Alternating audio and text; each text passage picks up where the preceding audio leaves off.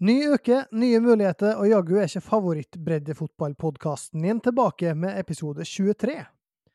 Øystein Gjelle Bondehus heter jeg, og den podkasten her den blir servert av avisa Driva. Og denne episoden her, der er det Sparebank1 Nordmøre som er annonsør. Med meg i studio, en mann som kjenner lokalfotballen i kretsen bedre enn de fleste. Torgeir Ruud Ramsli, velkommen. Tusen takk for det. Så har vi jo med oss en eh, gjest her, og det er en ekte breddefotballmann. Du kjenner kanskje typen. Han uh, har vært aktiv sjøl. Så har han pådratt seg bortimot alle tilgjengelige verv etterpå. Og du ser han på stadion. Han oppdaterer i sosiale medier og er fotograf når det trengs. Kaller ofte slike folk for ildsjeler, og det, det, er ikke uten grunn. Velkommen til oss, Jan Ragnvald Eide. Jo, tusen, tusen hjertelig takk. Det er for det kjekt å få bli invitert til favorittpodkasten sin. Det må jeg si. Ja, det er kult å ha noen som har det som favorittpodkast òg, vil jeg si. Da. Så da, da er vi jo en vinn-vinn-situasjon, rett og slett. Du er jo styremedlem i Elnesvågen, så jeg må jo starte med å si gratulerer med et eh, fortjent opprykk til fjerdedivisjon. Jo, tusen hjertelig takk for det. Eh, det var fryktelig kjekt og etterlengta. Eh, har jo ført ned gjengen der ei god stund nå. De er jo, mange av dem er jo A-lagsspillere siden de var konfirmert omtrent. Eh, så det at de har fått seg en eh, opptur nå etter at de har jo kava i fjerdedivisjon i mange år som et veldig ungt lag, og nå har de på en måte fått satt ei god stamme i laget da, og kommet seg opp. Så det var fryktelig gledelig å se at den eh, gjengen der fikk fortjent for alt det arbeidet de har lagt ned. Altså. Hva tror du at de kan få til i fjerdedivisjon neste år, da? Det er noe som sier lokalfotballen at ting kan jo forandre seg fort. da. Eh, med tanke på spillermateriale og trenere og hvem de møter. og alt sånt der. Men i utgangspunktet så mener jeg nå at de skal være gode nok til å kunne starte i eh, fjerdedivisjon. Hvor om det blir veldig høyt opp eller veldig langt ned, det er jo litt sånn avhengig av uh, hvem de møter, og litt sånn kanskje hvordan de starter sesongen. da. Og så er det jo et lite usikkerhetsmoment. Vi har ennå ikke fått på plass ny trener ennå. Han Kurt skal jo flytte. Eh, som en trener som vi har vært fryktelig fornøyd med. Så men, eh, det bør nå være en, eh, en, interessant jobb for flere, i hvert fall. da, Å ta over den gjengen der med unge og framadstormende karer. Lærevillige og dyktige å spille fotball. Så jeg vil tro at det burde være interessant for mange. Ja, det er jo artig å høre at du snakka så varmt om Elnesvågen. Det jo, skulle jo bare mangle, selvsagt. Du sitter jo i styret der. Men du er jo opprinnelig fra Eide. Og du bruker jo ofte å sende oss gode spørsmål til sendingene våre, Jan Rangvald, og, den gangen her så er det jo spørsmåla til det. Og i og med at jeg har egentlig hagla inn med spørsmål, så gjør vi en vri og starter med et par av dem. Og der er det altså Johan Nås som har spurt eh, hva klubb banka fotballhjertet ditt for varmest for nå. Er det Elnesvågen eller er det Eide? For han skriver det at eh, i og med at du bor i Elnesvågen og har verv der, så er nok ikke svaret så opplagt som det burde ha vært, antyder Johan Maas, gamle storspilleren. Jeg kan si at jeg er veldig glad i omegn, vet du. Men eh, nei, uh, Johan. Uh, det er noe sånn at jeg er født og oppvokst på Eide. Far min har spilt på Eide og trent på Eide. Bestefar min spilte på Eide og daua med knotskoene på, skal jeg si. Så Altså, Jeg har et varmende bankt supporterhjerte for Eide og kommer allveg til å ha det. Og så har jeg fått et veldig godt profesjonelt forhold til Ernesvågen, som jeg unner alt godt. Og som jeg har blitt fryktelig mye mer glad til enn jeg trodde jeg skulle bli. Det må jeg bare si. Jeg ble, jeg ble glad helt på ekte når jeg, jeg var og kikka på kampen mot Molde 3 og så på reaksjonene på guttene etterpå. Da ble jeg skikkelig glad. Helt på ordentlig. Man er nå fra Eide, da. Det er nå. Det må jeg bare si. Og jeg, det er liksom eide, eide, eide på meg. Sant. Ja, en eh, Are Stålsmo på Elnesvågen har jo ført opp da. Hvordan tror du mottakelsen på Eide blir når du svarer Elnesvågen? Nei, altså, For å si det rett ut, da, altså, når jeg starta å være frivillig i Ernesvågen, så var liksom første jobben min å begynne å lage make kampplakater. da. Og jeg, jeg, følte jo at det var litt sånn skitten ting jeg gjorde da når jeg satt og gjorde det her. At det var litt sånn, det var nesten som å være litt sånn utro. Uh, man ville jo bare bidra til lokalmiljøet der jeg bodde, da, og hadde jo ei stedatter som spilte i klubben. og alt sånt der, så, uh, Men jeg følte fryktelig på det. altså. Det, må jeg bare si. det var jo langt inne, bare det om alle flytting satt jo dritlangt inne. Uh, når vi, når vi gifta oss, det var for så vidt for øvrig i Eidekirka, Så sa presten hun var ferdig da, med liksom velsignelsen og alt det der, så sa hun at eh, ja, nå Jan, så er det på tide med alle flytting. Så det, det, var, det satt fryktelig langt inne, det gjorde det. Men når vi nå har fått klarhet i, i dette her en gang for alle, så må vi nesten få din versjon av, eh, av din uh, fotballbakgrunn. Ja, som, som vi sa når jeg ble invitert, jeg ble litt overraska over det. For jeg er ikke akkurat, Hvis det er noen som husker meg fra lokalfotballen, så tror jeg de må ha en eller annen slags diagnose. Uh, det er Nei, jeg vokste opp på Eide og spilte der uh, hele veien. Jeg var så vidt innom uh, litt inn og ut av et kretslag. Eh, ikke spilte ikke på det, men jeg var litt på litt treninger. og ble uttatt til kretslags- eller fylkeskamper. Men da, da fikk jeg tilbud om å dra til Syden for første gang i mitt liv, og prioriterte det foran det. Så det, det er liksom min historie på om jeg bare hadde gjort, ikke gjort det motsatte, så skal dere se karer. Men eh, nei. Eh, jeg var på at eh, Vi hadde et møte her i klubben med Kristian Gauseth her et par uker siden, når han Kristian var gått ut, så måtte jeg bare si til resten at det ser kanskje ikke sånn ut, men jeg og han der var faktisk på kretsdagstrening en gang i lag. men eh, nei, jeg ble med opp til hva jeg rukket å fått. da, Jeg tippa jeg har sånn cirka Hvis du regner med treningskamper og B-kamper og A-kamper alltid opp, så tippa jeg har et par og 20 kamper jeg for Eide sånn opp igjennom, kanskje. Eh, siste sikkert da jeg var 19. Og så eh, hadde, sto jeg vel den eh, treningskamp for B-laget da jeg var 37. Så det var sånn 17 års opphold der. Sånn, eh, alle andre var syke, og kan du være så snill å bare komme og gjøre noe? Så det var det, var det som var karrieren min. da. Um, ble kåra til delt banens beste mot Grykam 2 en gang. Det er kanskje det høydepunktet på seniorsida. Uh, vant Eidecupen i 98. Den, den, den, hang høyt på den tida der, så det, den må vi ta med. Men ellers er det den der delt banens beste mot Grykam 2. Det er liksom det det er gode til. ja. har, har, du noen gang vært banens beste mot Grykam, Torgeir? Uh, jeg har ikke spilt seniorfotball mot Grykam. Så Det er vel eh, Jeg spilte vel mot Grykam på smågutter en gang, tror jeg da min gode venn Thomas Mork spilte på Grykam. Så det er vel på Mork stadion. Og det er vel det minnet jeg har fra kamper mot Grykam. Ja. Men eh, når det gjelder verv, da, Jan Ragnvald? Der rykte du på litt mer? Ja, jeg er liksom han som ikke greier å holde kjeften sin når det er sånn eh, folk flest når spør om noen skal rekke opp hånda. Men eh, nei, det er noe med, noe med at når en kommer fra mindre plasser, så vet en at det er jo ikke noe som skjer uten at en er med og bidrar sjøl. Og så bruker jeg å si det at, at idrettslag eller en fotballklubb eller hva det er for noe, det, det, er omtrent like bra eller omtrent like dårlig til de som velger å engasjere seg og gjøre noe. Så det får det, enkelt å sitte og si at klubben burde gjort ditt og klubben burde gjort datt. Men uh, når jeg hadde sittet og satt, sagt der et par-tre år sjøl etter å ha flytta til Ernestvagen, så tenkte jeg at ja, ja, men skal, skal han få gjort noe, så får, heller, får han heller si ja da, hvis noen spør deg om, om, å gjøre det. Så får du bidra så godt du kan på din måte og med, med din kompetanse. Og så eh, prøve å skape noe positivt ut av det. Ja, for vi, vi, har fått et spørsmål om akkurat det at du en gang har sagt det, at et idrettslag er like bra som de som velger å engasjere seg. og Det kan vel ikke tolkes som noe annet enn en oppfordring til at folk må, må, bidra for å skape de endringene og det engasjementet de ønsker å se i lokalsamfunnet sitt? Ja, definitivt. Og så er det litt spesielt med med Ernesvågen. For at uh, Ernesvågen er jo en innflytterplass. Uh, det er veldig få av de som bor i Ernesvågen som har bodd der i mer enn kanskje to generasjoner, maks. Det, for å sette det litt på spissen, så bodde det ikke en kjeft i Ernesvågen fram til 60-tallet. men nå er jo Ernesvågen større enn Åndalsnes f.eks. Det bor flere folk i Ernesvågen enn hva bor i Åndalsnes. Det er ingen som tror, tror meg når jeg sier det, men det er sant.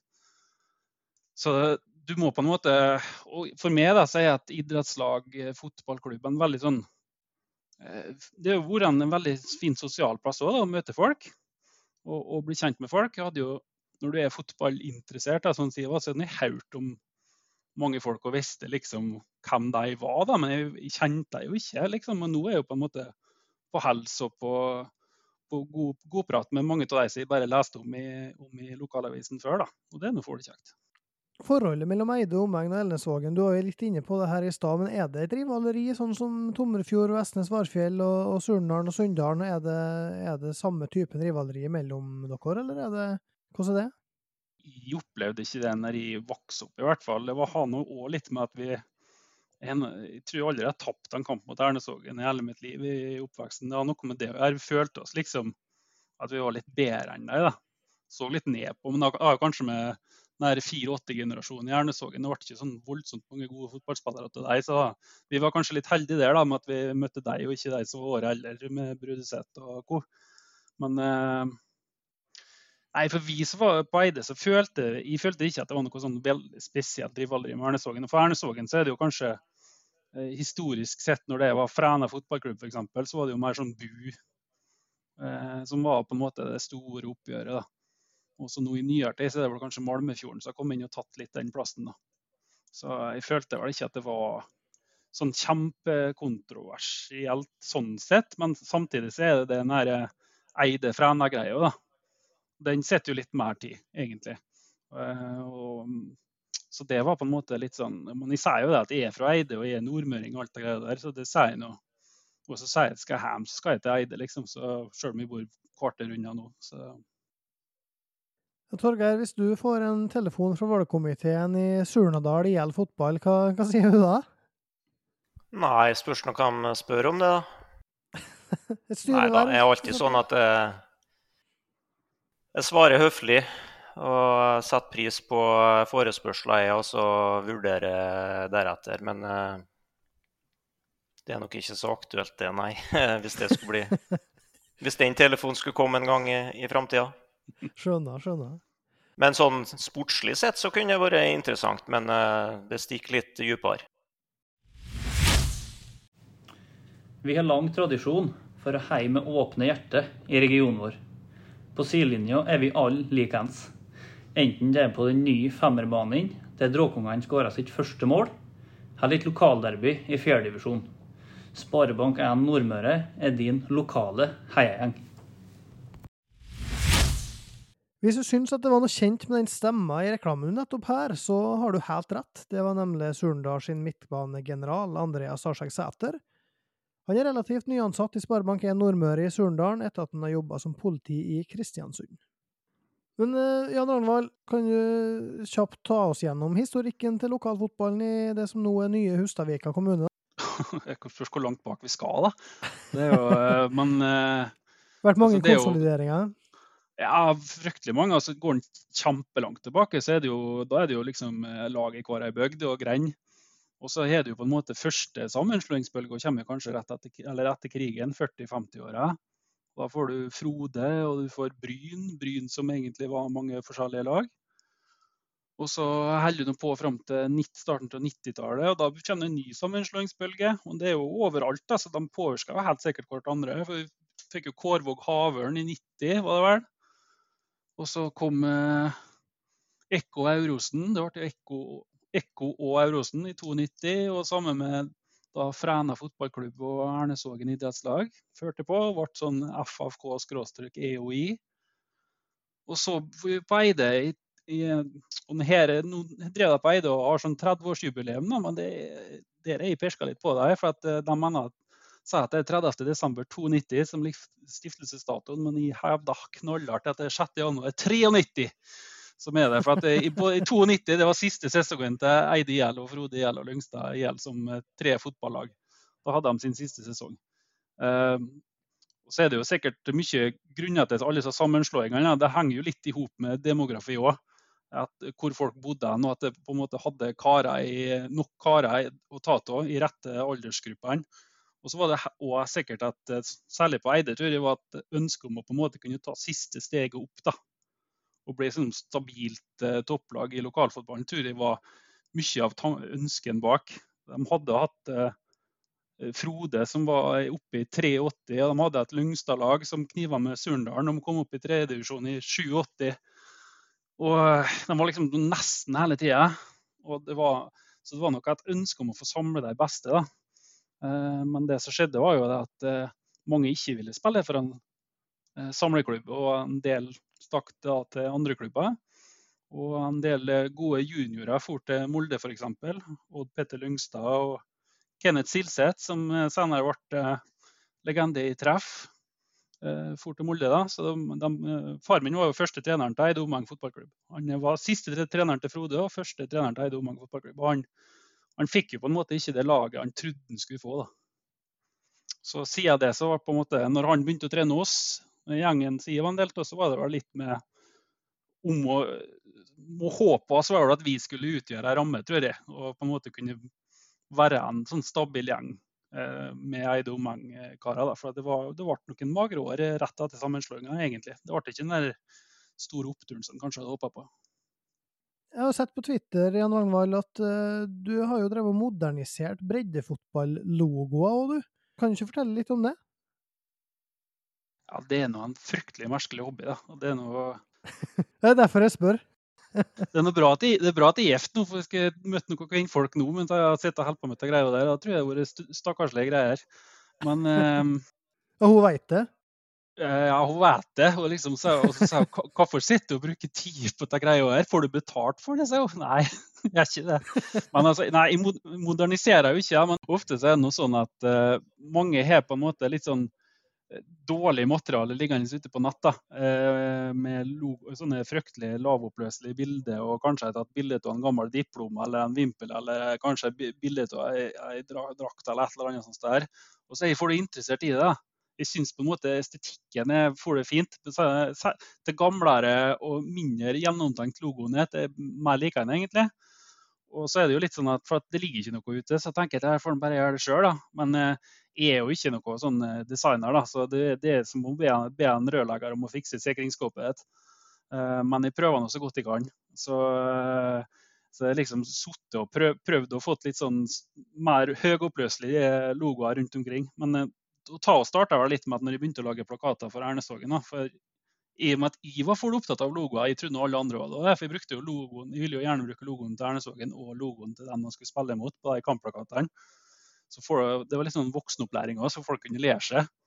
For Jeg alltid, alltid stussa på når folk står på kamp og så spør de hvem spiller mot deg. Jeg har alltid tenkt at det er noe helt innlysende. Bare se på draktfarge og sponsoren, så burde du kunne analysere det, hvem de møter. Men det, det gjør ikke folk, altså. Så, så det er litt sånn eh, voksenopplæring litt her òg. Jeg har vært på kamp mellom Surnadal og Sunndalen, der, eh, på Sunndalen, der folk har spurt meg om hvem det er som spiller i rødt og hvem som spiller i blått. Da har jeg vært litt sånn Det, det, det er ikke lov. Men eh, i en nylig episode av Fotballrådet så, så, mm, var det jo et litt mer seriøst tema som var oppe. Det var nemlig angst, og, og i forbindelse med fotball, da. Tobias Svendsen og Erik Arnebrott de var gjester, og i etterkant så skrev jo du på Twitter Jan Arnvald, at den traff deg veldig, og at du hadde samme opplevelsene som en Arnebrott som ung keeper. Kan du fortelle litt om, eh, om hvordan det var? Ja, det var litt eh, Det var for det artig, det blir kanskje feil ord å bruke den sammenhengen her, men det var sånn at, at folk på toppnivå opplevde det samme. da. For jeg synes jeg, jeg har ikke akkurat satt noe stort avtrykk etter meg. Jeg tror, jeg tror tror ikke det var noe verdens største fotballkarriere, så det gikk i fløyten, men jeg kjente jo veldig på det. da, Særlig når jeg begynte å gå over fra å spille på guttelaget med kompisene du har vært med hele tida, og så skal begynne opp på et A-lag, så var det veldig på den eh, nervøsiteten som kom, at du var livredd på en måte for å ikke innfri forventninger, livredd for å gjøre en feil som kunne få en utfall for kampen. Så jeg, jeg gledde meg jo aldri til å til å starte en kamp på seniornivå. Og i første året jeg var med skikkelig, så satt jeg ofte på med, med Knut Halla Harlås, som var trener da. og det hentes noe av og til at eh, Halla sa til meg i bilen på vei hjem etter en kamp. Da hadde han ofte sittet på benken. Så nei, neste kamp er nå, så skal du starte, for eksempel, kunne han finne på seg. Og da begynte jeg å grue meg allerede da. Og var liksom eh, var helt i ørska. Og liksom fant på kunne kanskje finne på unnskyldninger for å ikke liksom eh, møte opp. Og, og, ville helst ikke være med. Altså, jeg ville fryktelig gjerne være med i laget og i gruppa. Og det å være en del av et sånt miljø, det gir meg kjempemye. Og det kjenner jeg nå ennå. Og det er på en måte, Nå er jeg ikke akkurat en del av A-lagsgruppa til si, men at det er noe litt sånn, henger litt i hop og er litt på litt kamper. Sånn, og, og det på en måte å være en del av noe sånt, det syns jeg er utrolig givende. Eh, men jeg merka jo det at eh, det å skulle på en måte eh, Når andre tenker, kanskje tenker at nå, yes, nå får jeg sjansen, nå kan jeg vise meg fram, nå kan jeg på en måte eh, vise hva jeg kan, da. så blir jeg helt sånn motsatt. Når jeg bare sånn nei, nei, nei, nei, nei, nå, hva kan gå galt, liksom.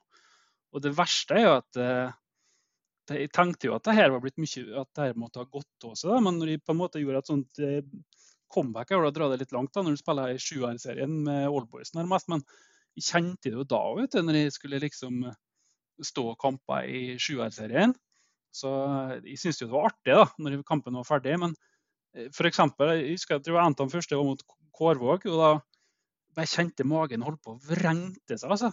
Det der bab, bab, bab inni der. Det var helt vilt. Og pulsen i 160-170 rett før dommeren, særlig rett før dommeren ble gjest, da er det på absolutt verste. Det, men det var litt sånn som han snakka om, han uh, Arne Brotter, for at Når du er keeper, så er du litt prisgitt de som er foran deg. Du får ikke styrt kampen på samme måte som hvis du er på midtbanen eller om du er en spiss f.eks. Du, du er litt sånn, du vet aldri hva som skjer. Og så er det jo, Hvis du blir skutt mye på og taper, så er det nesten bedre. Da, for da får du ofte mange anledninger til å kanskje ta et par redninger. og, og Det spiller ikke så stor rolle om du kanskje glapp en ball eller noe sånt. der. Eh, men for min del så var det, det var ganske, det var en stor grunn til at jeg på en måte ikke greide å ta det, kanskje det siste steget med å, å bli en etablert eh, seniorspiller. Da. For det påvirka på en måte innsatsen de la nå etter hvert. Eh, så hadde jo, jeg, jeg tror kanskje jeg var en bedre keeper sånn hypotetisk hvis jeg kom opp nå og spilt mye på kunstgress. For et av de store svakhetene mine var at jeg har et tilslag som en blaut til på seg. da når alle femmetere skulle måkes opp, så var det liksom, kom mine liksom dabbende utenfor 16-meteren og ble plukka opp. Og da var det selvfølgelig skadkjeft med en gang, da, naturlig nok. Så det liksom eh, passa ikke helt inn i den der eh, fotballen som ble spilt på den tida der. Eh, men igjen, dette er jo styrker og svakheter. Altså, jo, eh, du, kan jo, du kan jo si at eh, folk skal ta hensyn, og sånn, men samtidig så må du på en måte òg være tøff nok i hodet til å kunne greie det. At det er en del av pakka. Så det er mange aspekt på det. Men at en kan være mer åpen om at flere har hatt det sånn, det tror jeg er noe bra. For da tenker en kanskje at ikke at det er noe fryktelig galt med seg sjøl, i hvert fall. Mm. Torgeir, du er jo den av oss eh, tre som uh, var virkelig god. Uh, spilte på toppnivå. og du har jo spilt mot Du nevnte jo Jon Nobi Mikkel som beste motspiller, så lista ligger jo på en måte der, da. Um, hva tanker gjorde du det før du spilte kamp? Hva tenker du om det, det temaet her?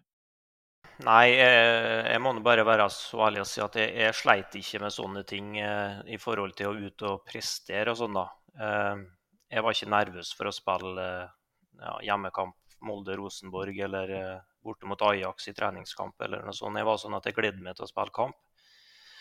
Men eh, jeg var jo veldig trygg da når jeg spilte i Molde. og Jeg var trygg i Sunndalen. Jeg på en måte hadde en god posisjon og følte at de andre ja, Jeg var en, kanskje en spiller som folk stolte på, da. Så, så, jeg følte at jeg hadde en posisjon i, i gruppa. og men de gangene jeg har følt utrygghet, er vel de gangene jeg har vært f.eks. på prøvespill.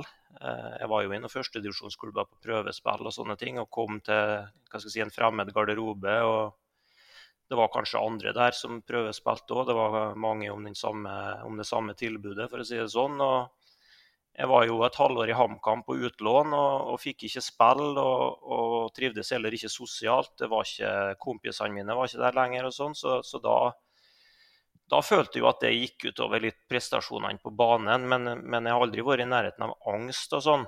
Uh, og så var det ja, det er nå 20, 20, år siden over det, da, siden jeg var ung og lovende. og Det var liksom ikke noe tema til det, det der, da.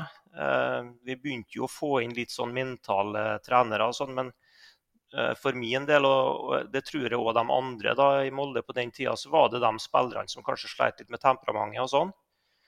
Eh, litt fokus og konsentrasjon eh, både på trening og i kamp, og kanskje litt livsstil og litt sånn, som, som brukte den mentale treneren. Det var, det var, ikke så mye snakk om det her med Eller mye, det var ingenting snakk om det her med hva skal jeg si, eh, angst eller redd for å ikke prestere og ikke være god nok. og sånn. Det var på en måte ikke noe vi snakka om. for det, det var sikkert underforstått at når du var ung og lovende 17-18-19-åring og trente med A-laget til Molde, så var, du, så var, du, god, liksom. Og da, og da, tenkte ingen på det. det. det. var ikke det som var fokuset. Så de sakene som kommer opp nå, og, og sånne debatter og sånn som vi har hatt eh, i forhold med Tobias Svendsen og andre, det, det var liksom ikke noe tema, sånn, sånn som jeg husker det. Så men klart, nå har de jo de har jo helt andre apparat, nå klubbene, og, og ja, større team både på fysiologi og næring og mental, mentale trenere og leger og, og alt mulig. sant? Så, men det er helt sikkert spillere eh, som vi ikke vet om. Og, og, jeg tenker på en måte sånn i klubber litt lenger ned da, som ikke har de ressursene, så, så er det nok eh, hva skal jeg si, mørketall, da, for å kalle det det. og jeg så jo spillere når jeg var trener eh, på Sunndalen i de eh, tre-fire åra der, at det var spillere som, som sleit, eh, som var nedfor når de kom på trening. Og, og spillere som var gode på trening og ikke fikk det ut i kamp. og så, så hadde du verken tid eller ressurser til å ta tak i det. da, sant? Du har tre treninger i uka. og ja, og så er du en ung og uerfaren trener sjøl, og så sette seg ned på en måte og, og snakke med de spillerne er vanskelig. da. Det blir litt sånn overfladisk, kanskje. Eh, og så har du ikke, du har ikke fagkunnskapen da, som skal til. Eh, jeg tror liksom ikke at det at en hovedtrener på en måte som, som ofte er kanskje den eneste personen som er på trening, eh, både før og etter, og kanskje en assistent og en, og en, en materialforvalter er kanskje ikke de rette personene. da, og Spillerne vil heller ikke åpne seg, for de ja, kanskje er redd for at de får spille enda mindre, eller de fremstår som svake. Eller... Så jeg tror det er enda vanskeligere, som med mye annet, eh, til lenger ned du kommer. da. For det, det, det, er vanskeligere å oppdage og det er vanskeligere å ta tak i. Så jeg må bare svare sånn ut ifra det jeg på en måte har observert og sett, og sånn, så, så var det liksom ikke noe fokus eh, det der på min tid. altså. Men eh, det er klart det var helt sikkert et, eh, et problem da for det, jeg tror ikke at det er noe nytt fenomen sånn sett. Hva tenker du Jan Alvar, om det Torgeir sier her? Nei, det er jo, det er jo eh, gjenkjennbart da, med at det er vanskelig å, å ta tak i det på det nivået ned. Eh, så det handler om, men jeg tror mye kan gjøres når du bygger en god kultur innad i lag. altså. Og det er jo ofte ikke så mange ting som skal til, kanskje, for å løfte, løfte folk òg. Jeg husker fortsatt den dag i dag. Godt minne når jeg spilte bortekamp mot Søya og sto i mål da. Og så når jeg gikk til banen, så var det en eh, kar da, som satt utenfor klubbhuset til Søya. Han så ut som han sikkert har sittet i 30 år. En godt holden kar. Sikkert en, eh, en lokal, lokalhelt der, vil jeg tro. Så, så kikket han på meg og så sa han, 'God keeper i dag', sa han. 'God keeper'. Og det var litt, Den kjente jeg på. Det vokste utrolig mye. At han, sånn, han, var jo, han var jo heia på Søya, naturlig nok, som vi hadde spilt mot. Så bare det å få litt sånne ting òg. Det var fryktelig mye. For, men det er jo, folk er ulike, da. Hvilke knopper du kan trykke på. For noen blir jo sånn at hvis du sier at der får du aldri i verden til, så blir de skikkelig gira og skal vise at fy fader, så her skal jeg virkelig trykke det på. Og så har du litt sånne som jeg, da, f.eks., som jeg må ha jeg må ha så mye puter under armene at det er helt vilt. Men jeg, altså, jeg, blir, jeg, blir, god til å skryte, for da vil jeg ha mer skryt. Mens eh, andre trenger kanskje å bli tirra på. Men er jo, folk er jo sammensatt. da. Men som sagt, eh, det å bygge en god kultur og en eh, aksept for å gjøre feil, særlig når du er ung, tror jeg, at det på en måte ikke skal være sånn Du skal jo på en måte bygge opp litt eh, folk når de kommer inn på et lag, men at du har litt sånn aksept for at dette her er en læreprosess, særlig når du er ung. Eh, det tror jeg kan være viktig. Og unne hverandre godt. da, og så tenker jeg at det er det er noen konkurransesituasjoner folk er med for å vinne, men det er noe, tross alt ikke det er ikke VM som står på disse Fair Play-plakatene. Nei, altså jeg, jeg, kjenner meg veldig igjen i det du sier. og Jeg var jo en helt middels spiss eller ving i, i ungdomsåra. Jeg var, ikke var jeg rask, ikke var duellsterk, men jeg hadde et eh, godt fotballhode og en ja, ganske presis høyrefot. Uh, ikke kjempegod, jeg hadde brukbar målteft. Det er ikke noe, det er ikke noe superlativ som jeg skal dra fram her, men, men uh, Det var ikke slik at jeg fikk en toppkarriere ødelagt av skader, jeg skal ikke si det, altså, men jeg liker å tro at det kunne kommet meg inn i en A-stall i Surnadal, da, hvis jeg ja, jeg var kanskje mer på kiropraktor på Sunndalsøra en periode enn Så unnskyldninga kommer nå her likevel nå, da. Men jeg var typen som allveg var redd for å gjøre feil. Um, tenkte sjøl mye på de kampene jeg spiller, um, på de feilene jeg kanskje kom til å gjøre. Og hvis jeg måtte trene f.eks. med spillere som var et par år eldre eh, i ungdomsåra, så var jeg såpass usikker at det takla jeg ganske dårlig. Da. Det mest lyst til å sykle hjem. Og, og, eh, og, fordi at jeg fysisk følte meg da underlegen dem, og, og, og torde ikke helt å gå i dueller med dem, og ble løpt opp. og, ble, så Jeg hadde ikke noen gode opplevelser med det. Jeg var ikke klar for uh, det da. Og da Ja, da, da ble det litt sånn at uh, det var lettere å, å, gi seg. og det er klart at det, det som overraska meg, litt som du sa, Jan Ragnvald, at, at jeg trodde at jeg hadde vokst av med det her.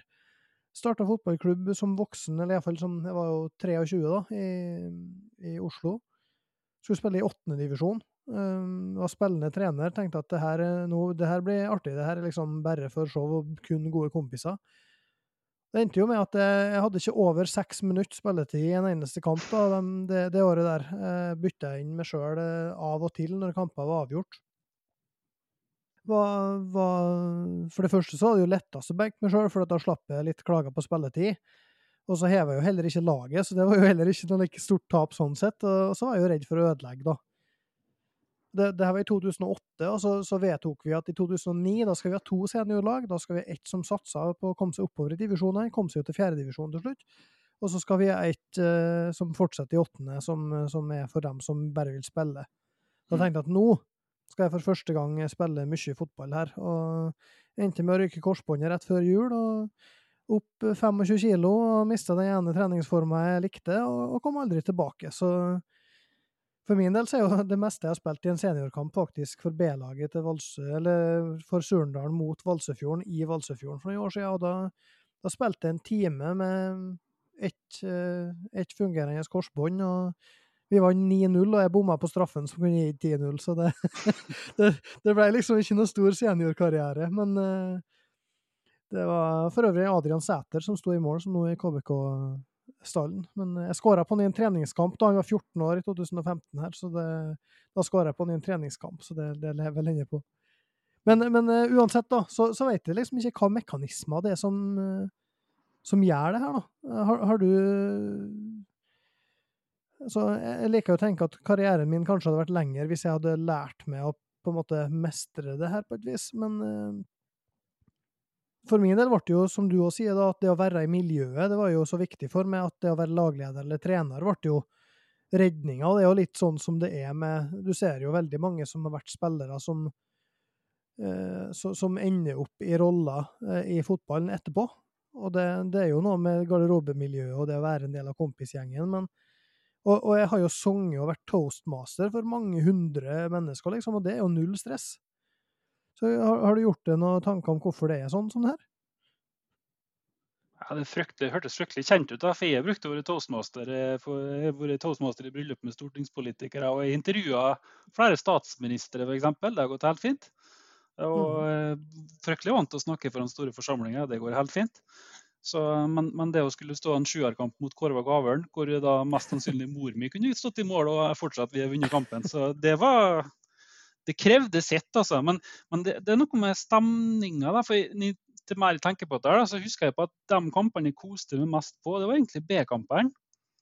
Eh, Sjettedivisjon, for det er veldig uformell eh, gjeng. Eh, var, vi var glad, glad, i å avslutte, avslutte på, på, puben på Obelix etter kampene. Eh, og kjempesosiale typer. Det var da jeg hadde da, den berømte kampen mot Grykamp 2. Det var jo for sjettedivisjonslaget eh, for Eide 2. Eh, men da var på en måte, for stemninga var bare at vi skulle ha det artig. For det var ikke så farlig, liksom. Eh, og det, det, var fryktelig lave skuldre. da. Også, men igjen så er det jo eh, det, og nå er jo på en måte ofte i jobbsammenheng og sånn, så skal en ofte forberede folk kanskje som skal holde taler, sånn, som er nervøse for det. Og da prøver jeg å si det at det at du er nervøs, betyr jo bare at du bryr deg, at du har lyst til å prestere.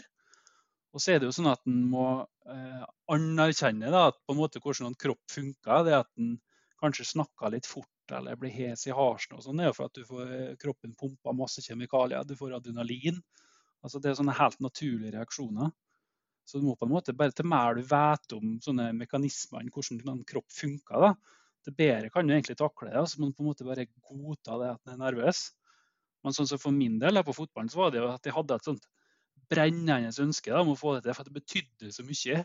Og det å på en måte kunne være med å bidra til eh, at, at, laget på en måte bygda For jeg liksom er oppvokst med at eh, når du er på et eh, A-lag, så representerer du ikke bare deg sjøl, du representerer hele plassen du kommer fra.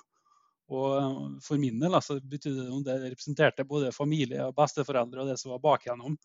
Altså, jeg ser veldig stort på det. Og, og det å skulle å være med fra et lag. I Sverige så heter det jo representasjonslag, det heter ikke A-lag. det er liksom på en måte, For du er rundt og reiser, så er kanskje det eneste Om du fyker til Vestnes, da, hva vært folk på Vestnes om folk fra Eide egentlig? Det er noe, kanskje bare når fotballaget kommer på besøk at det er noe forhold til deg. Eh, så, for min egen del så var det at jeg hadde et kjempesterkt ønske om å, om, å, om å, kunne bidra. og Derfor så ble jeg så redd for å ikke få det til.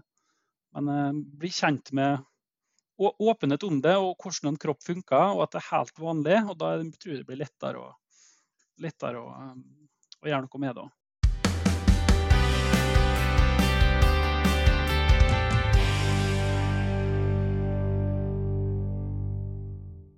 Vi skal over til fjerdedivisjon. Der uh, spilte Åndalsnes og Tomrefjord 2-2 forrige helg, etter at Åndalsnes leda 2-0. Tomrefjord kom tilbake der og sikra seg et poeng. Det er jo et viktig poeng for Åndalsnes, men surt i og med at de eh, hadde 2-0 og leda 2-0 til det var igjen 20 minutter. Tomrefjord er nok neppe heller fornøyd med ett poeng borte mot Åndalsnes når de kjempa i toppen. KFK CFK Surndalen endte 1-2. Eide omegn slo Vestnes Varfjell 3-1. Malmefjorden Sunndalen endte 5-4 i en vanvittig fotballkamp. Misund KBK2 endte 1-6, og Treff 2 slo Dale på mandag med 3-0.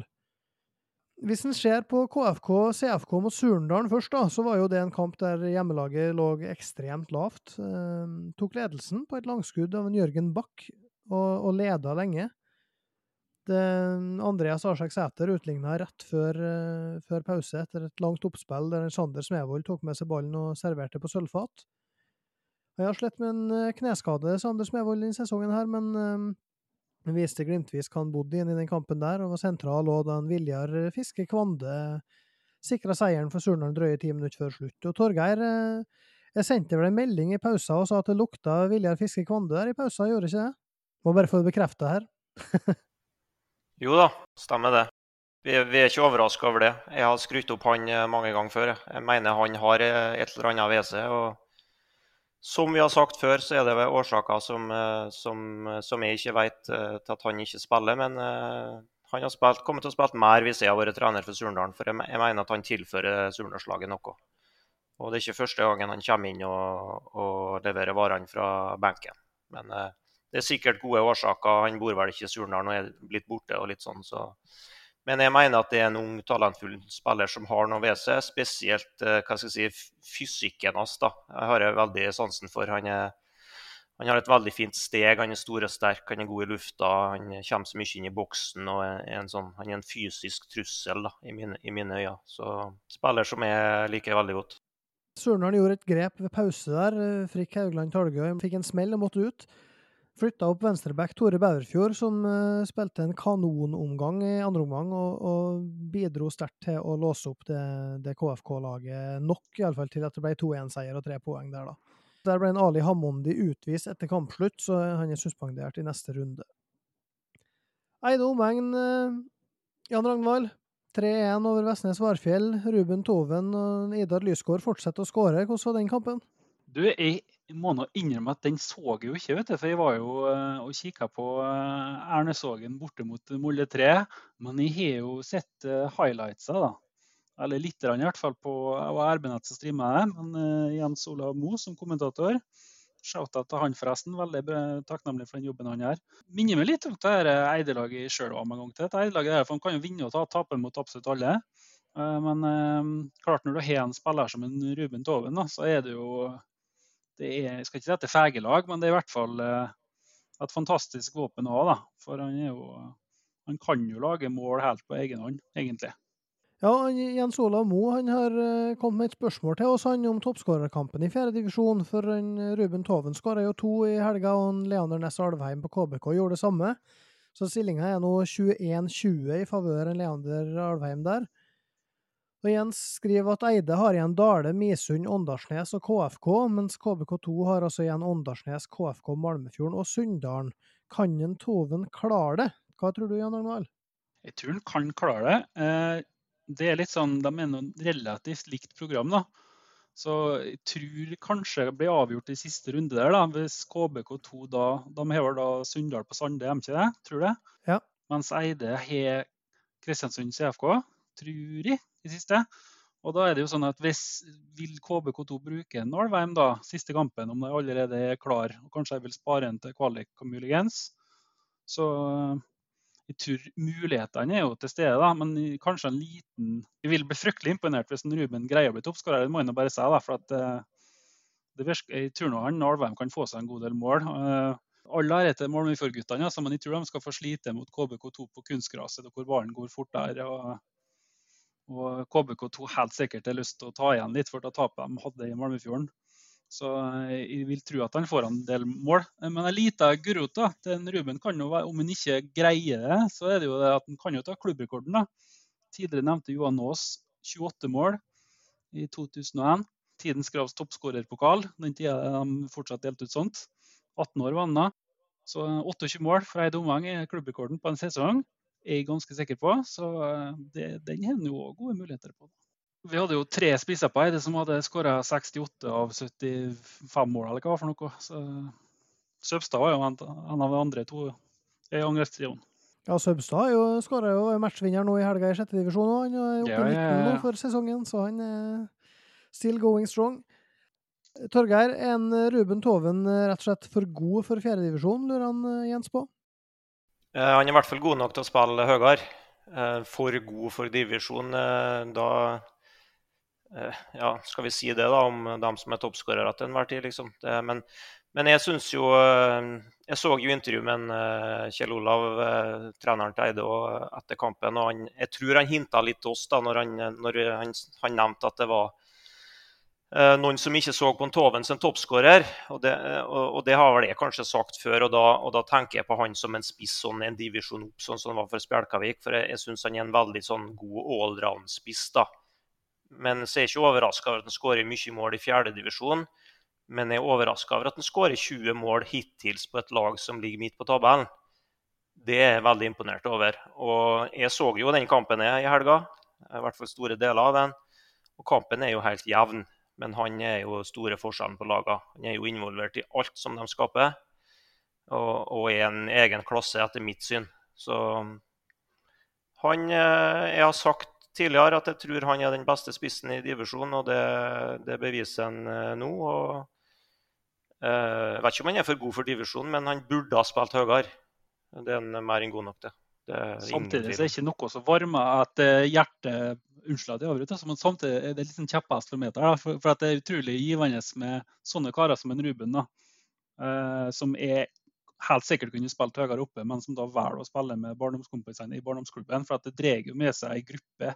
Altså Alle har jo lyst til å, å, være på lag med sånne karer. Altså Du får med deg liksom nivået opp av taket på resten. da, altså. Så det er Litt samme med Iver Frøynes i Hjernøsvågen. Om en Iver hadde lagt seg i særen, så han helt sikkert kunne spilt på det én og to og tre kanskje divisjoner høyere enn. Men altså, det er utrolig givende da, å ha sånne folk med, som, som er med på dette nivået her. Så all ære til deg, altså. Ja da, det, det, er noe, det, er ikke noe, galt i det. og Det er sikkert årsaker med arbeid og, og privatliv og kanskje litt ambisjoner og sånn, og så kan ikke det, så hvis du tenker sånn rent fotballmessig, da, så er de i hvert fall begge dem du nevner, da, Jan Ragnvald, er jo gode nok til å spille høyere med, med, flere. Ja, Vi er jo bare glad til vi at vi har profiler å, å snakke om i, i podkasten her, så, så, vi vil jo helst ha flest mulig fra fjerdedivisjon og nedover. og det Det, jeg utfordra jo før sending her, Torgeir, i forlengelsen av det her, til å, å lage ei liste med si, tre eller fem spillere som har kvalitet til å spille høyere i divisjonssystemet. Det, da fikk jeg passet mitt påskrevet for å være for tabloid, så, så det skal du få slippe. Men uh, har du noen tanker rundt uh, spillere som kan være, være aktuelle? Ja, jeg tenkte litt på å ta noe siden du dro opp den. Men jeg syns jo det blir litt sånn kjedelig da, hvis en skal nevne de her vanlige navnene hele tida. Eh, altså, vi har jo en del spillere som, eh, som har spilt i høyere divisjon, som vi vet kan spille i høyere divisjon, men som kanskje ikke er gode nok til det nå, da, fordi at, eh, ja, det er fysisk form og det er ambisjoner og det er jobb istedenfor full trening og sånn. Så jeg har jo kanskje heller lyst til å dra fram noen som kan bli gode nok til å spille i høyere divisjoner. Som Kanskje vil jeg la oss si at jeg har vært trener nå da, i et uh, tredjedivisjonslag, eh, spillere i, i, rundt omkring her, og så spillere som uh, kanskje har villet prøvd å fiske til meg. da.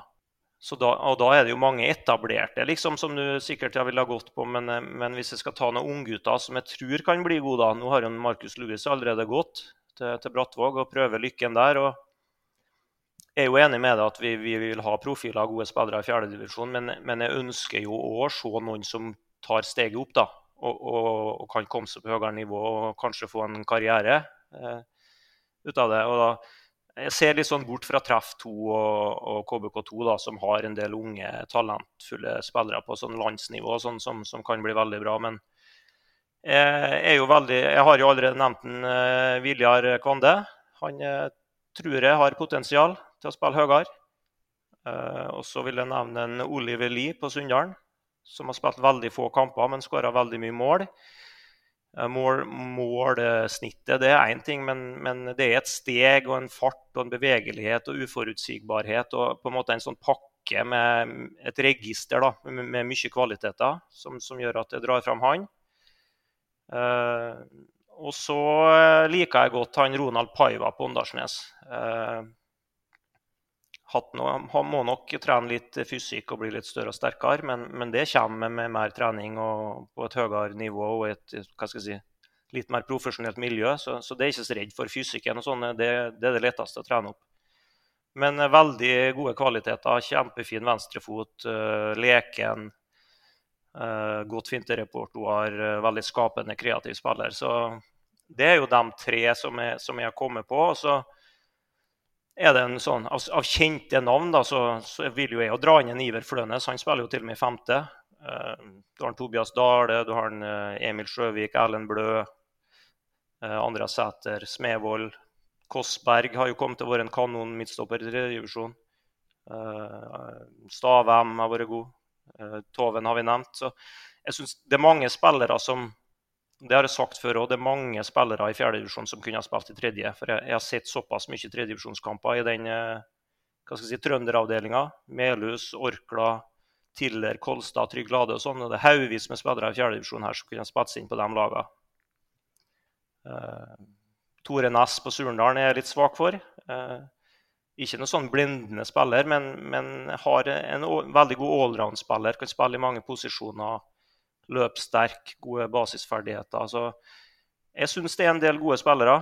Eh, jeg ser ikke for meg at det er noe sånn Du kan ikke putte opp et helt lag, og så skal det greie seg i tredjedivisjon. Eh, det ser jeg ikke nå. Men, men hvis du tar ut én spiller eller to spillere og setter dem inn i et rimelig bra tredjedivisjonslag, så er det mange mange, mange her som kunne ha greid seg. Så, men kanskje litt, det er jo litt mer spennende med dem som kan bli, da, enn dem som har vært, da, for å si det sånn. Ja, det var litt artig, for jeg, jeg satte jo opp eh, sjøl. Jeg endte jo òg med både en Viljar Fiske Kvande og Ronald Paiva, eh, mens jeg hadde med en eh, Idar Lysgård på Eide i tillegg, eh, som den, min tredjemann, med, med ti mål fra midtbaneposisjon der. og eh, Kaptein så allerede som tenåring og syns han blir, blir, bedre og bedre. Og, og dominerer. og han, han, tør å ta plass. Han tør å på en måte og jeg elska jo når han møtte Malmefjord og viser attitude når han skåra, og, og, på en måte har han har noe der som, som gjør at han eh, han allerede er en meget god spiller på det nivået her, og hadde vært veldig spennende å, å, å se høyere. Men samtidig så er det jo som du sier, noen som hadde vært artig å sette høyere oppe. Du har jo nevnt mange. så det hadde vært artig å sette hva Eivind Lervik i glansdagene hadde, hadde klart. Eh, og I tillegg så Det aller beste eksempelet som jeg kom på her, da, med spillere som du har Elling Olafsen, sant, som hadde vært artig å sett uh, høyere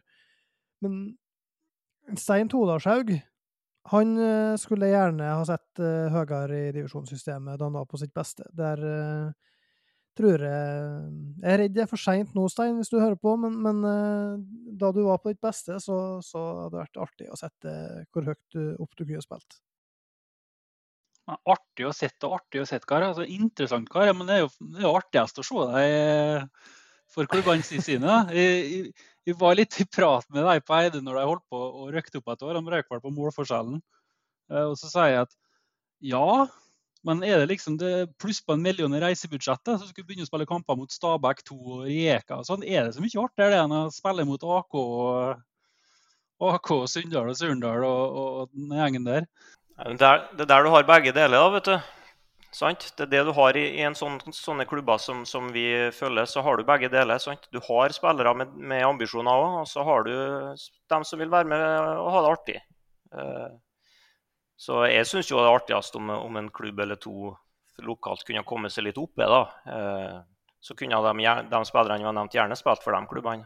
Det, det, er ikke noe med det. Men, men, jeg, men jeg vet jo at det er spillere som har ambisjoner, og som kanskje ikke si, tør å ta steget. eller eller at veien blir for lang. da. Så det vært artig om noen, noen har lyktes òg. Så jeg føler på en måte at det, det, har vært lenge siden da at en spiller har gått fra en lokal klubb og på en måte blitt en, to, en toppspiller. Nå er det mulig at det er historieløst, ikke husker så godt, men nå må du, du må liksom via KBK, via Molde. Eh, det er ikke så mange som tar den andre veien. Niklas Ødegaard har vel kamper i sjettedivisjon og og, og Eliteserien, men han er vel et uh, unntak i så måte. Ja, Hvor gammel var han når han gikk til Molde, han da? Ja, Han var 16, da. Så det... Ja, så... Mm. Ja, vi skal ta og se litt på den runden som skal spilles vi i, i fjerdedivisjon. For der er det um, Eide omegn Dale. Hva tenker du om den kampen der? Hva Eide om-utgave får vi se nå i helga? Ja, Nei, det virker noe som Eide-laget girer på. og Det virker som de har lyst på den tredjeplassen. da.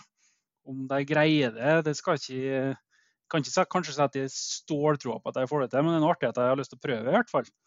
Så jeg tipper at de kommer til å mønstre sitt beste mannskap. i hvert fall. Og så vet du nå at på en god dag så er det kapabel til å slå Dale, men Dale skal nå i utgangspunktet være bedre, sånn sier jeg sitter her. Men eh, det er, ikke, det er noe det som er fint med fotball, at du vinner med ett mål. Så umulig er det nå ikke. Nei, og Dale tapte jo 3-0 sist nå mot, uh, mot et sterkt trefflag, da skal sies. Mikael Haga som har to, uh, to assist og mål. Og både Selmer og Hermansen og Okanovic blant A-spillerne som var med der. Men de stilte jo sterkt Dale òg, men uh, det så det at de har altså 43 skåra mål på ti hjemmekamper. Så har de skåra 11 mål på åtte bortekamper. Ja. Og nå har de tre av fire gjenværende kamper er borte. Så mm, Dale må, må levere for å å iallfall eh, De så jo veldig bra ut i, i starten av sesongen, men uh, nå har de åtte poeng opp til Surnadal, som uh, er nummer to. Så skal de ta den, så må de nesten vinne resten. Vestnes Varfjell Sunndalen, Torgeir. Der er det altså mm, et Sunndalen uten han Oskar Sandvik, som er suspendert etter at han fikk gult kort mot uh, Malmefjorden helt på tampen sist. Hva tror du om Sunndalen sine sjanser der?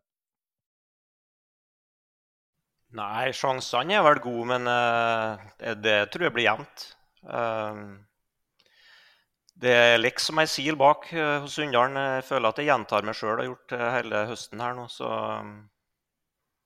igjen, de er nødt til å få skikk på forsvarsspillet. Hvis ikke så blir det baklengs på, på Vestnes òg. Så Vestnes var ikke så verst mot Eide, men, men eh, det litt, eh, blir litt for tynt foran og litt for lettvint bak. da. Så jeg blir ikke så overraska om det blir en kjøle målrik kamp igjen, da. Eh, for begge lag slipper inn mye bak, altså. De, de gjør det. Så men eh, Sunndalen kjører det vanskelig å si noe om hvem står i mål, hvordan er backrekka. Eh, ja, det er veldig i det blå. Så, men som jeg har sagt før, og, og ny, ny backrekke og ny keeper og bytter fra kamp til kamp og sånn, det er sjelden uh, gunstig, eller aldri gunstig. Uansett hvilket nivå og divisjon det er snakk om. Så Nei, jeg, jeg ser på det som en helt åpen kamp. Ja, Nå skåra han Tor Erik Torske sitt første mål etter comebacket nå mot Malmefjorden sist. og Kan jeg nevne at eh, G16-spiller Rask Hage Ødegård skåra sitt første eh, for A-laget. Reduserte på tampen, men med fem i sekken så, så, har de jo litt å gå på enda defensivt, som du sier. og Det, det er jo noe Bjørn Sundgodt inne på i, i driva òg. Han sier jo det at det er altfor naivt, og spesielt bak. Men øh, han sier jo at det vil lønne seg på sikt, fordi at det er mange unge spillere som har lært seg å spille seniorfotball og kan ikke legge seg bakpå. Så det, det vitner jo, som du sier, om øh, at det kan bli målrikt på, på Vestnes òg. KBK2 Åndalsnes. Der øh, er det jo et Åndalsnes-lag som fikk seg et poeng mot Tomrefjorden. Fikk litt bedre klaring til Misund. KBK2 de har fem poeng på Surndalen og, og, ser jo ut til å være ustoppelige for tida. Der, eh, så det, det, truer rett og slett eh, bare tippa en H, og går ut ifra at eh, resten, resten er enig i det. Og så ser vi på mm, det laget som kjemper med Åndalsnes, om, kanskje om å unngå den nest siste plassen der, da. Det er Treff 2 og Misund som møtes på mandag. Og har Misund noen sjanse til poeng der, tror du, Jan Arnvel? Det er sånn med Misund, altså. Det blir sånn alder føler jeg har vært så lenge jeg har ført meg, i hvert fall. Og liksom plutselig så er de steika gode, altså. Så, og så er det et treff to-laget, du vet nå ikke hva du får. Eh, men jeg regner med at eh, Misund har mobilisert det de kan nå. I og med at det er trenerbytte og full pakke der. Og så det er noe det er noe ryggen mot veggen nå, så de har ikke noe valg. De må nå bare prøve. Eh, og få seg en trepoeng her, skal de greie dette her. Så de, de må nå bare kjøre på. Og så er de jo litt sånn prisgitt hva de får. da. Jeg vet ikke når jeg treffer NR-kamp, men jeg vil ikke bli sånn superoverraska hvis Misen greier det. Men sånn, i utgangspunktet så kan nå treff to være favoritt. da. Ja, det er sterkt der. om Emil Sjøvik skåra sitt niende for sesongen nå forrige gang. Det, det, er bra. Hun var jo gjest i Opp praten tidligere i, i sesongen. og og da var det jo han og Erlend Blø som duo vi snakka en del om, og Erlend Blø han ser ut til nå å ha funnet plass på midtbanen de siste kampene, så interessant grep der. Tomrefjord, KFK, CFK uten eh, Ali Hamondi og Edvard Hoem Karlsen, som er suspendert. Der eh, Tomrefjord uh, jakta andreplass, fikk en U sist mot Åndalsnes. Og tror du, Torgeir, at KFK CFK kan stikke litt kjepper i hjula for Tomrefjord? Tror du at jeg tror det? Jeg tror ikke at du tror det. nei, jeg tror ikke det, nei. Litt tung eh, gressbane i Tomrefjorden. Høres vel ut som en H? Det høres ut som en H. Ja, så er det jo Surndalen-Malmefjorden der, da. Der Malmefjorden eh, kommer fra seier, og Surndalen eh, egentlig på, på, mange måter minner meg litt om Tomrefjorden fra i fjor. Vinner veldig ofte med ett mål. Hala i land eh, seire i kamper der de kanskje ikke imponerer så veldig. Jeg vet jo at spillerne òg At det er et tema med spillerne òg, det der at uh, de skåra 45 mål på 11 kamper i fjor, og i år har de 44 mål, altså ett mål mindre på 18 kamper. Uh, så de skåra jo merkbart mindre enn de gjorde i fjor. Det er greit, de hadde 13 i én kamp mot Misund i fjor, men likevel så er det ganske stor forskjell på hvor mange mål de skåra, det flyter uh, ikke fullt like godt. Men så er de altså nummer to med sju poeng, klaring til tredjeplass. Så så det er litt sånn Tomrefjord over det, og det trenger ikke være negativt i hele tatt. Men eh, mot Malmefjorden så stiller Surndalen etter rapportene noe sterkere enn de, eh, de gjorde forrige kamp. Eh, Arnstein Aasbø, som skåra tre mot Misund, vært borte de to siste kampene, skal være tilbake i trening. Og um, Sondre Bolme mista forrige kamp, jeg skal være med igjen nå. Så er det jo lov å håpe at, en, eh, at en Vegard Juel er hjemme fra militæret, og det er klart at da da er de plutselig et, eh, et eh, litt annet lag. Men Malmefjorden skåra fem eh, forrige gang, slo Sunndalen. Har fått litt dreisen på ting, og skal absolutt ha kred for det. Der var det to mål. En Viktor Moan Tangen sist, mens en Bjørn André Monsen sjølsagt var på skåringslista igjen.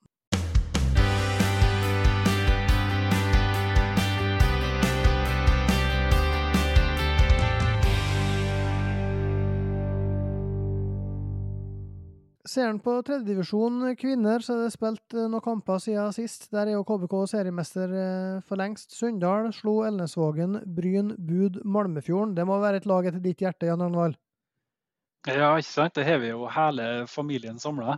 Nei, det er jo sånn paraplylag der. Eh, så det, er jo alle de klubbene står oppført med, men det, går jo under betegnelsen Team Hustadvika. da. Så eh, det er jo for å gi et tilbud til, til jentene, sånn at de som vil være med opp, eh, har nok å spille i lag med. da. Team Hustadvika er et fordel ungt lag det også, med framtida foran seg. Og en trener som har vært med lenge, Bjørn Espen Vatne. Så uh, håper de fortsetter den fine jobben de har gjort. Men uh, Eide og omegn, som er i Hustadvika sitt eget lag? Ja, de ville satse. De var nå egentlig med uh, i fjor. Men hadde vel et veldig sterkt ønske om å, å ikke på en måte vatne ut Det er kun spekulasjon fra min side, men vi hadde vel ønske om å ikke vatne ut egen identitet. Jeg ville tro at jeg gjerne ville bygge på damesida og lære for det, altså. Ja, og Eide Omveng tapte altså 12-2 mot KBK i det som ble omgjort til nierkamp nå i sin forrige kamp. Molde 2 slo Surndalen Søya 3-1. Ja, og i femtedivisjon så har Elnesvågen altså sikra seg opprykk med 5-0 borte mot Molde 3 i toppkampen sist. Iver Fløvnes skåra hat trick på hodet. Uh, vi spor på Twitter vi, hvem folk tror følger Elnesvågen opp, og da svarte 73 Gjelseth Kleive, som slo MSI 2-1 sist. Nå har de fem poengs luke til Molde 3, Gjelseth Kleive, Jan Ragnvar, men uh, møter Elnesvågen borte på lørdag, da.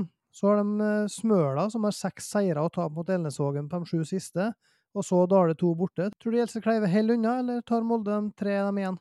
Det er noe Prosentene på sin side gir seg i hvert fall. Jeg har ikke sett dem sjøl til noe år, det må jeg bare si. Men det virker som de har en litt sånn egen egenskap til å dra i land seieren i tette kamper, da, hvis du ser på resultatene i hvert fall.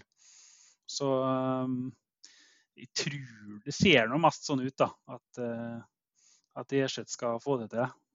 Var litt skuffa, kanskje, over Molde 3. Uh, sånn så, ikke skuffa, jeg var noe glad i for at Ernesvågen vant, men Eh, de fikk jo ikke noe som helst egentlig mot Ernesvågen. Fikk ikke noe spilt til. Jeg var nå ganske sikker på at det skulle bli en tøff motstander, da, men skapte ingenting. Ja, hvis en ser på sjette divisjon, så kan vi jo gratulere Måndalen, Frei og Eidsvåg, Eresfjord og Vissdal med avdelingsmesterskapene. Og lørdag så starta opprykkskvaliken der. Det blir klart hvem som går opp til femtedivisjon. Det er to lag som skal opp der. Lørdag så er det Måndalen mot Frei på Måndalen stadion. Onsdag så skal Måndalen til Eidsvåg så er det Frei Eidsvåg på Omsundet lørdag 8. Du så jo Eidsvåg eh, mot Sunndal 2 nå i helga, Torgeir. Hvordan eh, har den kampen påvirka synet ditt på hvem som går opp? Nei, jeg har ikke sett de to andre lagene, da, men jeg syns jo ikke det var all verden, da. Jeg trodde jo Eidsvågen skulle være litt bedre. Uh, nå ble det riktignok 4-4 etter at Sunndalen bytta seg veldig bort, da. Det har de jo gjort en del kamper. Det er vel kanskje grunnen til at de ikke vinner divisjonen. Det var jo 3-0 eh, ganske tidlig og 3-1 med pause. Og det var 4-1 når jeg gikk hjem. da, Det var så kaldt på Sande, så sofaen og en annen kamp eh, frista litt mer.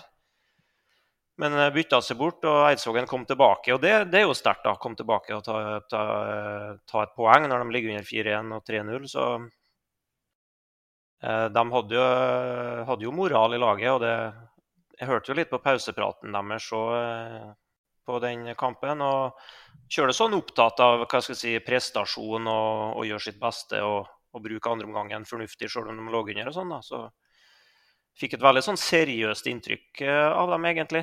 Eh, så ser jeg at Frei har vel eh, de har mer hvile da, ser jeg, enn de to andre lagene. De har vel ei uke mellom kampene sine. Så det er jo viktig nå, ser jeg, når jeg leser om internasjonal og norsk fotball. og har ikke så tett kampprogram. Så da holder en knapp eh, på Frei. Og så ja, tror jeg at Eidsvågen slår Mondalen hjemme.